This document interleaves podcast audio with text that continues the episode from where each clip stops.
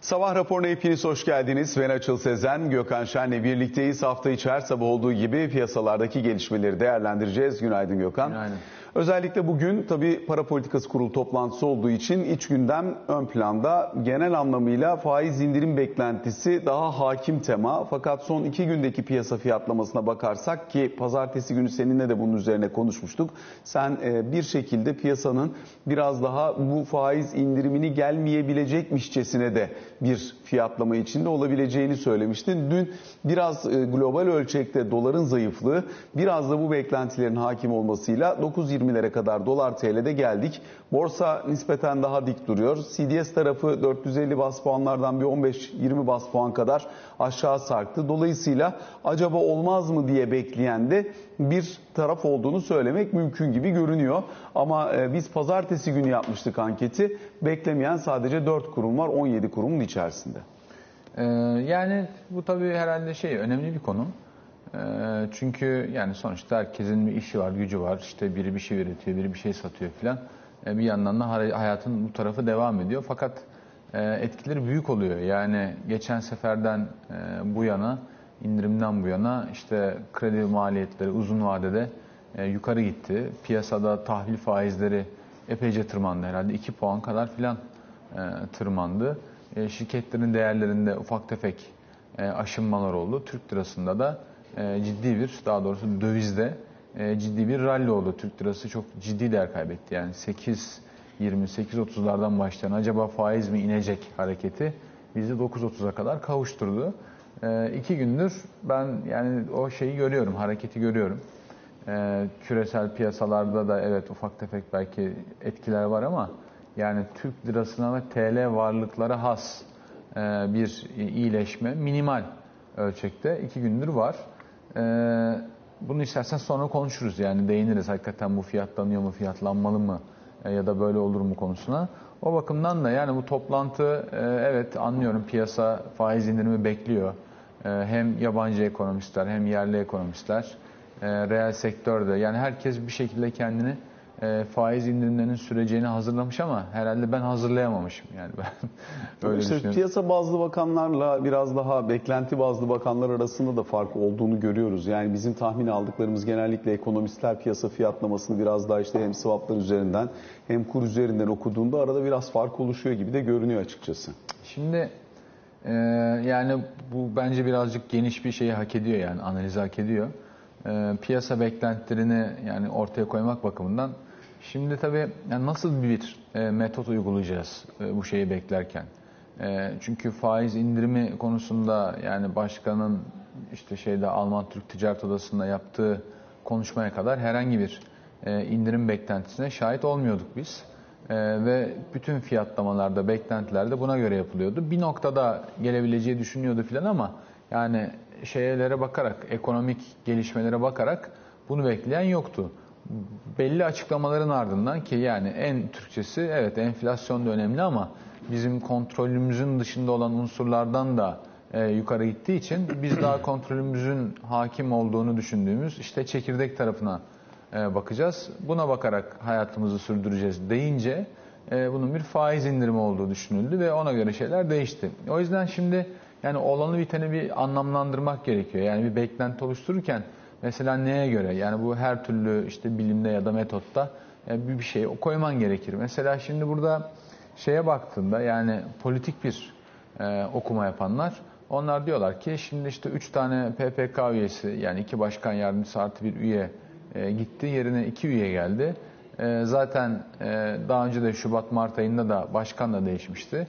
E, burada bir şey var yani eğilim var faizleri indirme yönelik. Dolayısıyla yani politik baskıyla beraber e, Türkiye Cumhuriyet Merkez Bankası faizi indirir.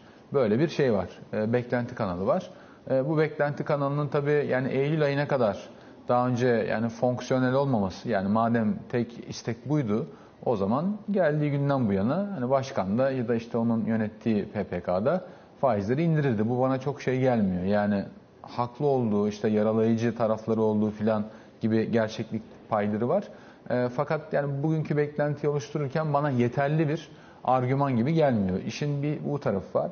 İkincisi şey var. Yani mantıklı bir okuma yapmaya çalışanlar var. Onlar diyorlar ki ya şimdi bu konuşma yapıldı mı? Yani çekirdeğin önemine e, dikkat çeken yapıldı. Bu hala orada duruyor mu? Duruyor. Dolayısıyla biz yeni bir e, güncelleme almadık. Aslında aldık yani son konuşmasında da yine Merkez Bankası Başkanı'nın sadece de çekirdeğe bakmıyoruz dedi mesela y- şeyde yatırımcı toplantısında. Yani beklenti oluştururken işaret ettiğimiz yerde de bir parça böyle birkaç derece bir sapma olur mu diye düşündürüyor açıkçası o da. Doğru.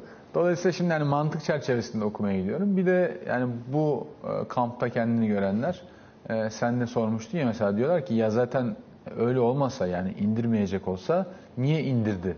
E, bir 100 bas puan indirmişti. Dolayısıyla yani devamının gelmesi gerekir herhalde. Çünkü o günkü şartlardan bu yana ne değişti tam biz bilmiyoruz e, diyorlar. E, günün sonunda onlar da aslında yani başka bir katmanda görünmekle beraber öbür kampla biraz şeyi paylaşıyorlar. Yani burada bir yani indirme eğilimi. Tabii her gelişen ülke Merkez Bankası güvercin eğilimlidir. Mutlaka faizleri mümkün olduğunca daha az pozitif tutmaya hatta mümkünse e, en derin negatifte tutmaya çalışırlar reel faizleri. Ona şüphe yok fakat daha da ötesinde yani politik e, motivasyonlu bir e, indirim şeyine argümana dayandırıyorlar. Yani bu ikisinin ortaklaşa beslendikleri kaynaklar var. Bir tanesi bir yerden sonra öbüründen ayrışıyor. Benim gördüğüm bu. Sonra yani bu kamplara ait olanlar var. Bunlarla ortak olan fakat biraz daha ayrışan bir de mesela piyasa bazlı bir görüş var. Onlar da diyorlar ki ya ben hani anlamıyorum şimdi oyu buyu. Ben şeye bakıyorum yani olana bitene bakıyorum. Olana bitene baktığımda da işte şeyler swaplar tarafında e, faiz indiriminin fiyatlandığını ve bunun etkilerinin fiyatlandığını daha doğrusu. İşte bono faizleri tabii faiz indirimi fiyatlanıyor derken faizler aşağı gitmiyor. Faizler yukarı gidiyor. E, bono piyasasına baktığımda da işte uzun vadelere çok daha fazla e, satış geldiğini, kısa vadenin nispeten e, buralara yakın durduğunu. Dolayısıyla faiz indiriminin sonucunda enflasyon görünümünün bozulacağının bono piyasasının hem şeklinden hem de işte getirilerin nominal düzeyinden ben görebiliyorum diyor. Kura bakıyorum diyor. Kurda da işte 1 liralık bozulma faiz indirim e, beklentilerinin süreceğini e, hatta yani biraz işte belki beklenti üstü bir tempoyla gidebileceğini gösteriyor diyor. E, bunun gibi birkaç tane argüman işte CDS'den tut filan bu da piyasa bazlı görüş. Bu da yani herhangi bir şey ortaya koymayarak e, insanların okuması ya da fiyatlamaları üzerinden bir çıkarımda bulunuyor bugüne ilişkin olarak. Bunlar yani benim gördüğüm kadarıyla hakim görüşler ve tüm bunlar neredeyse şu an beklenti kanalının yani herhalde %95'ini %100'ünü oluşturuyor.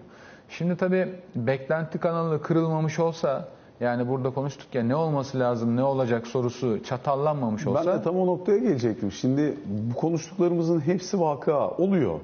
Ama bir taraftan da olması gereken üzerine tartışıldığında buradaki görüşün yeknesak olduğunu görüyoruz. Yani burada faiz inmeli, bu ortam faiz indirmek için uygundur diyen kimse yok.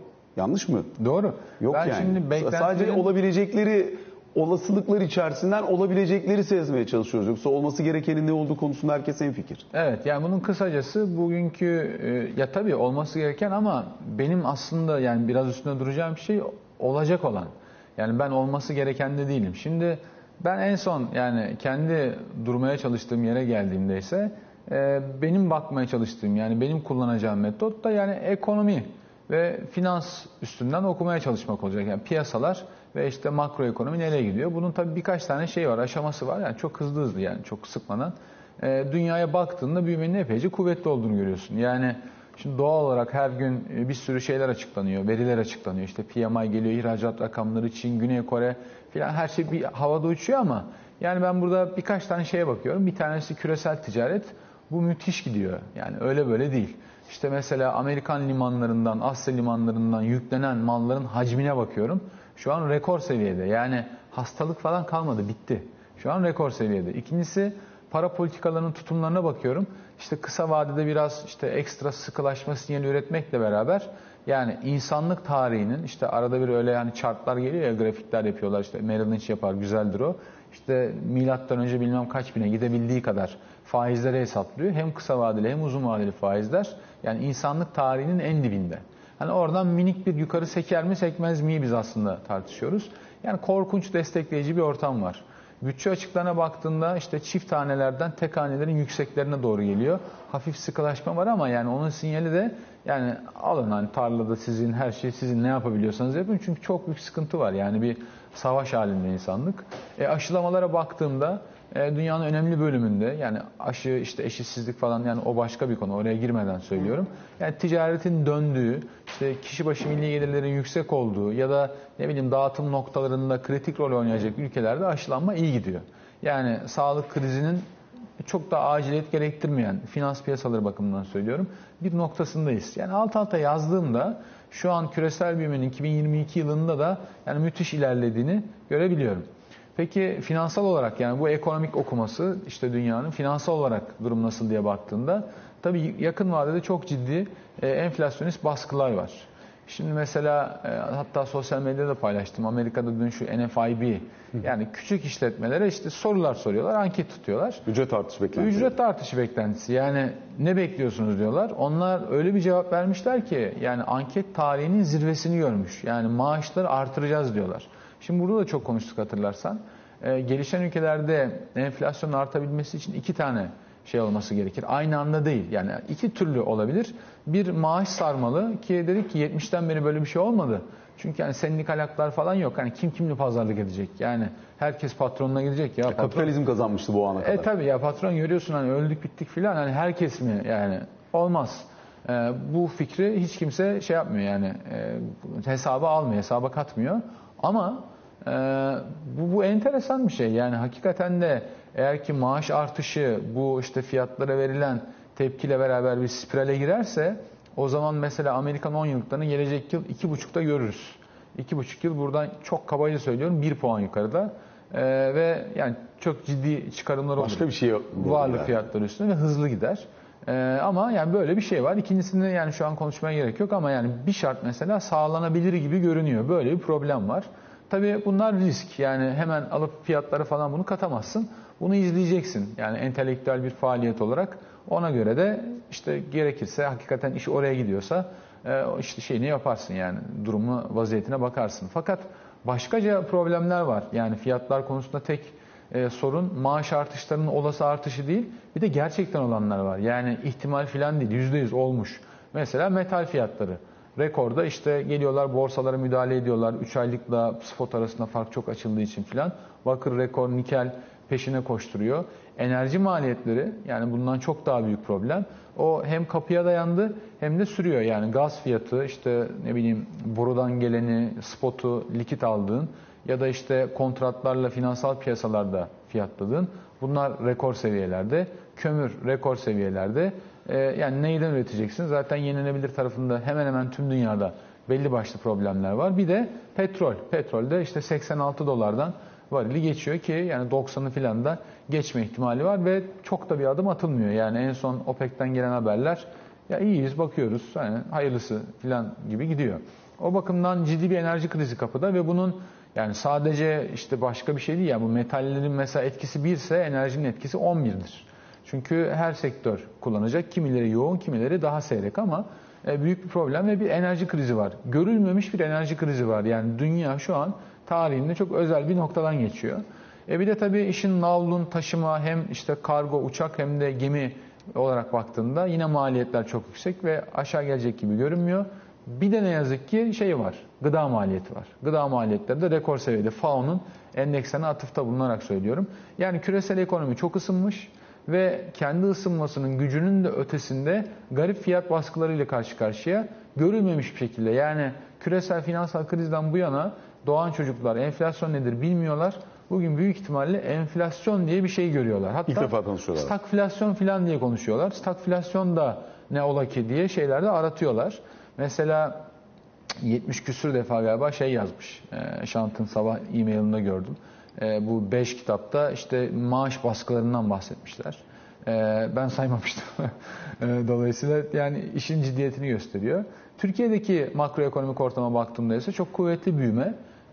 Fakat tabii kredilerde ciddi yavaşlama olduğunu görüyorum. Yani dağınık dağınık konuşuyorum, toparlayacağım. Ve korkunç da bir enflasyon var. Yani büyüme çok kuvvetli ve bunun getirdiği çeşitli sebeplerden ötürü çok da korkunç bir enflasyon var. Enflasyon aslında tabii Merkez Bankası'nın ana işi bu. yani tamamen yani vazife gereği bir şeye yola girilmiş olsa aslında sadece bunu konuşacaktık.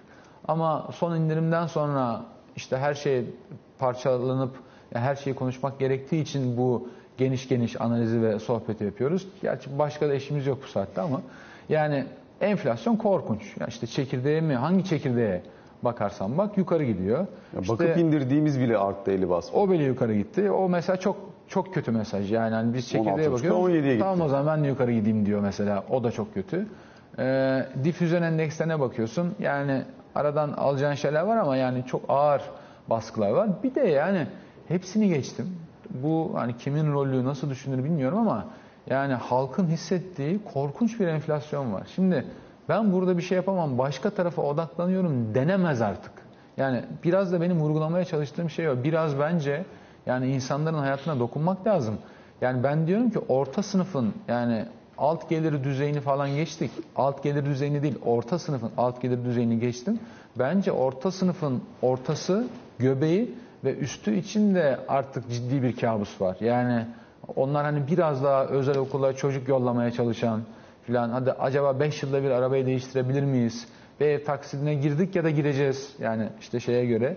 Ee, bu kesimde de korkunç bir sızı var. Yani bunun hem finansal hem ekonomik hem de sosyal sonuçları oluyor bence. Ya bir şöyle bir aşamaya gelinmiş durumda. İnsanlar hala her markete gittiklerinde, her dışarı çıktıklarında ya da her fiyatlamayı gördüklerinde şaşırabiliyorlar.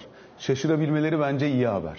Çünkü eğer şaşırmamaya başlayıp bunu kanıksayacak olurlarsa o zaman başka bir davranış kalıbına geçiyoruz demektir. Türkiye bunu çok uzun yıllar yaşadı. %60'lık, 70'lik, 80'lik enflasyon dönemlerini. Burada Türkiye'nin bir başarısı var. Evet yani çok uzun süre yüze yakın enflasyonla yaşayıp hiper enflasyona gitmemeyi başarmış belki tek ülke Türkiye.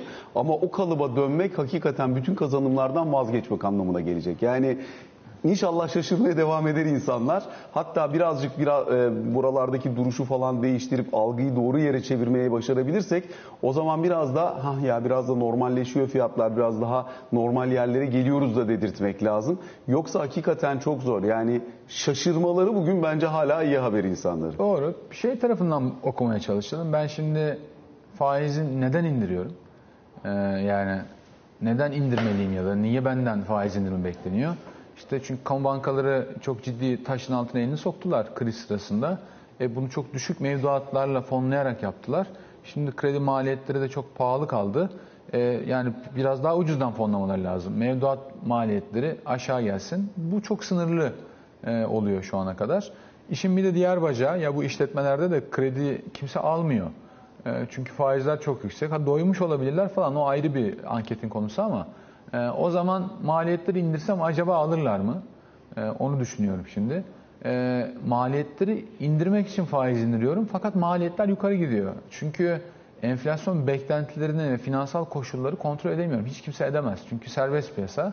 E, dediğim gibi yani insanlar bakıyorlar, sorun görüyorlar. inanmadıkları için e, o tarafa gitmiyorlar. Dolayısıyla da bankalar ya az önce anlatmıştım yani dün anlatmıştım mantığını. İşte enflasyon düşecek diye uzun vadeli kredileri piyasanın altına verdiler. Enflasyon beklentileri ve gerçek enflasyon bozulunca kredi maliyetleri yukarı gitti. Dolayısıyla faizleri indirmem faizleri aşağı çekmiyor. Böyle bir sıkıntı var. Hatta aksine ve yıpratıcı bir biçimde faizleri yukarı itiyor. Bu bile zaten yani geri durmak için bir fırsat. Yani ben niye kredi maliyetlerini yükselteyim ki şimdi durup dururken? Çünkü bir puan daha indirsem herhalde bir puan daha yukarı gidecek. Çünkü enflasyon beklentilerini kıramıyorum.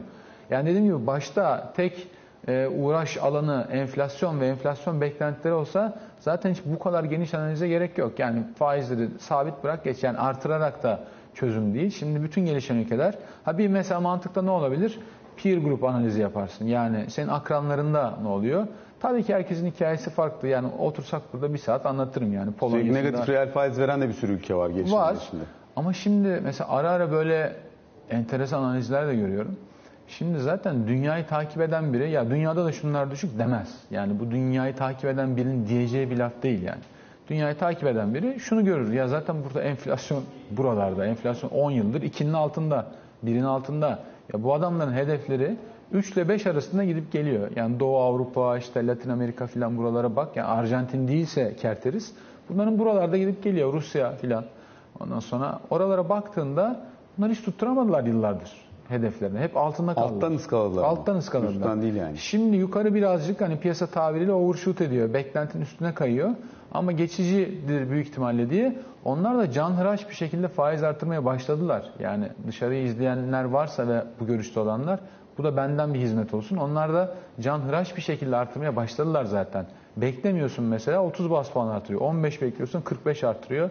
Hükümet düşmüş, başbakanı indirmişler. Romanya, Polonya buralardan bahsediyorum. Çek Cumhuriyeti bir şey gitmiş. Çatır çatır artırıyorlar. Hiç demiyorlar yani şurada şu oluyor, burada oluyor. Büyük korku var çünkü yani öyle böyle değil. Ee, ve şey başladı, e, bu iş başladı. Çünkü yani bu gelişmiş ülkelerde sorun var. Özellikle Amerika'da e, problem var. Ve bu zamana kadar tapering, varlık alanının azaltılmasının herhangi bir etkisi olmayacağını konuşmuştuk. Hakikaten de olmadı. Ama bu tapering meselesi değil. Çok anlatmaya çalıştım. Faizleri yükselten şey Amerikan Merkez Bankası'nın aldığı miktarı aşağı çekecek olması değil. Bilakis ekonominin çok kuvvetli olması ve enflasyonist baskılar olması. Faizler bundan artıyor. Yani bu böyle bir risk. Yani alt alta yazdığımda dolayısıyla beklenen faiz indiriminin e, mantığının 3-4 kampa bölündüğünü, bunların da genellikle e, bozulmuş beklenti yönetiminden kaynaklandığını e, ve ben realiteli uyuşmadığı kanaatindeyim. Zaten tüm bu finansal e, lügatı vesaire kendi yani kendi işim bu benim. Yani tüm profesyonelliği bir kenara bırakıp çarşıya, pazara, insana ve orta sınıfın üstüne kadar dokunduğunda yani geniş halk kitlelerinin de enflasyondan ciddi muzdarip olduğunu, sosyal bir meseleye dönüştüğünü gördüğümde de e, faiz indirimi konuşmanın yani pek yararlı olduğu kanaatinde değilim. Ya çok enteresan şey gördüm. Bülten yanlışlıkla iki gün öncenin bültenini açmışım. Karıştırıyorum sabah uykulu bir şekilde. Ee, sabah bunları da düşünürken bir yandan gördüm. İki tane başlık var. Bloomberg ET tüketici güven endeksi rekor düşük seviyede. Bültenin ikinci başlığı konut fiyatlarında %30 artış var. Şimdi bu ikisi anlamlı iki başlık mı yani? Bunlar nasıl bir arada olabiliyor? Demek ki yani bu enflasyon artık şeyi inanılmaz bozmuş durumda. Yani faizleri indireceğim derken tüketici güveni dibe gelmiş. İnsanlar kendini korumak için garip fiyatlarla gidip konuta parayı gömer hale gelmişler. Yani korkunç öyle bir yatırım olabilir mesela. Dövizde diyelim işler değişti. 2 sene 3 sene ya da varlık tercihleri değişti. 5 sene bakarsın yani öyle öyle kalır. Buraya doğru ama sürülüyor insanlar. Yani bunlar yanlış zaten çok para yok. Yani en iktisatlı biçimde kullanmamız lazım. Toparlayacak olursak olması gereken değil. e, bence bugün hani olacak olan faizin sabit kalması, bir sürede sabit kalmasıdır. Enerji krizi atlatıldıktan sonra inşallah tabii indiririz faizleri. Yani sürenin sonuna geldik ama e, bugün Merkez Bankası pas geçerken pas geçmesi kadar pas geçerken söyledikleri de bence belirleyici. Yani eğer pas geçecekse bunu doğru şekilde anlatıp bundan sonrasına ilişkin beklentiyi çok doğru yönetmek lazım. Yoksa hakikaten büyük problem olacak. Yani Küresel- bir şey kazanamama riskin de var. Yani pas geçtin, siyaseten tepki gördün ama bir şey elde edemediğinle de karşı karşıya kalınabilir. Çünkü hakikaten e, bu ay indirmedin ama bir dahaki ay indirecek misin? Ya da bir sonraki ay dayanabilecek misin? Oradaki orta vadeli rehberliği verebilmek lazım bence. Yani yurt dışı şeyde dünyada işte fiyat baskıları e, ve içeride enflasyona ilişkin görünümün işte yeniden bozulması bunlardan ötürü e, yani bizi yeniden değerlendirmeye gitti. Dolayısıyla hani ikinci bir e, duruma kadar burada bu sıkı para politikası sürecek mesajı ve sonra bir süre sürdürmek ama hani tabii büyük bir hani alkış kıyamet beklememek gerekir. Yani bu sorunun bir parçası olmamak adına alınacak bir karar gibi ben değerlendiriyorum. Çünkü hakikaten şimdi yani gıda fiyatına Merkez Bankası ne yapsın? İşte doğalgaz fiyatına Merkez Bankası ne yapsın? Çok daha büyük sorunlar var. Ee, Ama hiç olmazsa hani sorunu amplify ya da büyütmeyebilir yani. Ee, Benim şeyim o, beklentim. Onun da bir miktar olumlu yansıması olacağı kanaatindeyim TL varlıkları. Peki kısa bir araya gidelim sonrasında kaldığımız yerden devam edeceğiz. Sabah raporunun ikinci bölümüyle karşınızdayız. Ali Can Türkoğlu da bizlerle birlikte. Ali Can günaydın. Günaydın, günaydın. Özellikle yeni sisteme, seçim barajına, seçim sistematiğine ilişkin arayışlar devam ediyor. Altı partiden gelen bir baraj açıklaması gördük mü? Ee, altı partinin sisteme yönelik toplantıları devam ediyor. Bu haftaki toplantı e, yasama üzerine kuruluydu aslında. Meclisin özellikle meclisteki komisyonların daha da güçlendirilmesi noktasında da bir fikir birliğine varmış durumda. Millet İttifakı ve e, diğer iki siyasi parti. Ama bunun dışında da evet baraj konusunda e, yoğun görüşmeler olmuş. Hatta iki farklı e, görüş masaya yatırılmış. Yani baraj %3 olsun, baraj %5 olsun diye. Ama bu gelinen noktada barajın %5'in alt, üstüne çıkmaması görüş birliğine varılmış. Yani sistemin değişmesi, Millet İttifakı'nın istenilen noktaya gelmesi durumunda e, güçlendirilmiş parlamenter sistem noktasına da geçildiğinde baraj tekrar masaya yatırılacak o ayrı. Ama barajın %5'ten fazla olmaması konusunda bu altı siyasi partinin e, uzlaştığını söyleyebiliriz. Bundan sonraki süreçte e, şimdi dördüncü toplantıydı bu. Daha toplantıların devam edeceği söylendi parti yetkilileri tarafından. En son noktada yasama bittikten sonra yürütme ve yargı konularında da e, ortak e, karara bağlandıktan sonra liderlerin görüşüne sunulacak ve ondan sonra bir metin ortaya çıkacak. Ama bu altı siyasi partinin par- güçlendirilmiş parlamenter sistemle ilgili toplantılarının devam edeceği bizzat liderler tarafından da açıklandı. Bir yandan da Amerika Birleşik Devletleri'nin Türkiye Büyükelçisi'nin atanmasına ilişkin sürecin devam ettiğini görüyoruz. Jeff Flake eski Arizona sen- senatörü, e, eski cumhuriyetçi. E, burada e, daha sonra Trump'la görüş e, anlaşmazlıkları oluyor ve ayrılıyor, emekliliğini istiyor. Ona aday göstermişti Biden. Şimdi dün itibariyle e, Senato'nun dış, dış ilişkiler komitesinden e, geçti. Şimdi Senato Genel Kurulu'nda onaylanması gerekiyor. Onaylandıktan sonra Satterfield yerine Flake gelecek. E, burada tabii nasıl bir e, Ankara Büyükelçisi olacak. Daha önceki açıklamaları Türkiye ile ilgili artık değerlendirilmeye ve iyice irdelenmeye başlandı. Mesela Türkiye'nin vazgeçilmez bir NATO müttefiki olduğunu söylüyor Flake. Ama bunun yanında eğer bir daha Rusya'dan herhangi bir şekilde bir alım gerçekleşirse e, yeni yaptırımların uygulanması gerektiğini de savunuyor. Ama bence asıl e, büyük konu, büyük e, sıkıntı e, 1915 olaylarıyla ilgili açıklamalarından kaynaklı olacak. Çünkü 1915 olaylarını soykırım olarak gördüğünü daha önceden açıklamıştı. E, şu anda Amerikan Ankara Büyükelçiliği için ismi geçen Jeff Flake. E, dolayısıyla eğer Ankara Büyükelçiliği süreci başlar ise ki başlayacak gibi gözüküyor. 1915 olaylarıyla ilgili bu açıklamaları Türkiye'de de gerginlik yaratacaktır. Bir de Avrupa Komisyonu'nun e, Türkiye ile ilgili raporunun detaylarını bir parça istersen değerlendirelim. Nasıl yansıma buldu? Ankara'da sert bir rapor çünkü. E, sert yargı, demokrasi, hukukun üstünlüğü, temel haklar, e, kamu yönetimi konularında Türkiye'ye çok sert eleştiriler var bu raporda. Beklenen eleştiriler aslında. E, bunun yanında da özellikle göç ve iklim politikalarıyla ilgili olarak da övgülerin olduğu söyleniyor. Ama bu eleştirilen konularla ilgili olarak özellikle işte hukuk, demokrasi ve haklarla ilgili eleştirilerin e, Türkiye'nin Avrupa Birliği'ne adaylık sürecini de etkilediği ve e, bu tam üyelik sürecinin durma noktasına geldi artık bu noktadan sonra. Yazılıyor komisyon raporunda e, Türk dış politikasının da Avrupa Birliği'nin öncelikleriyle uyumlu olmadığı yönünde eleştiriler var. Türkiye'den de bu eleştirilere çok sert cevaplar geldi. Adalet Bakanlığı'ndan, Dışişleri Bakanlığı'ndan ve Cumhurbaşkanı Yardımcısı Sayın Oktay'dan. Bu tartışma zaten bitmeyen bir tartışma bilindiği gibi komisyondan Türkiye ile ilgili sert raporlar, Türkiye'den bu rapora ilişkin sert açıklamalar ondan sonra süreç bir şekilde devam ediyor. Ama İlerlememe raporu tadında evet, şu devam anda ediyor. ilerlememe yönündeki ilişkiler sürüyor. Peki teşekkür ediyoruz. Sabah raporunu böylelikle tamamlamış oluyoruz.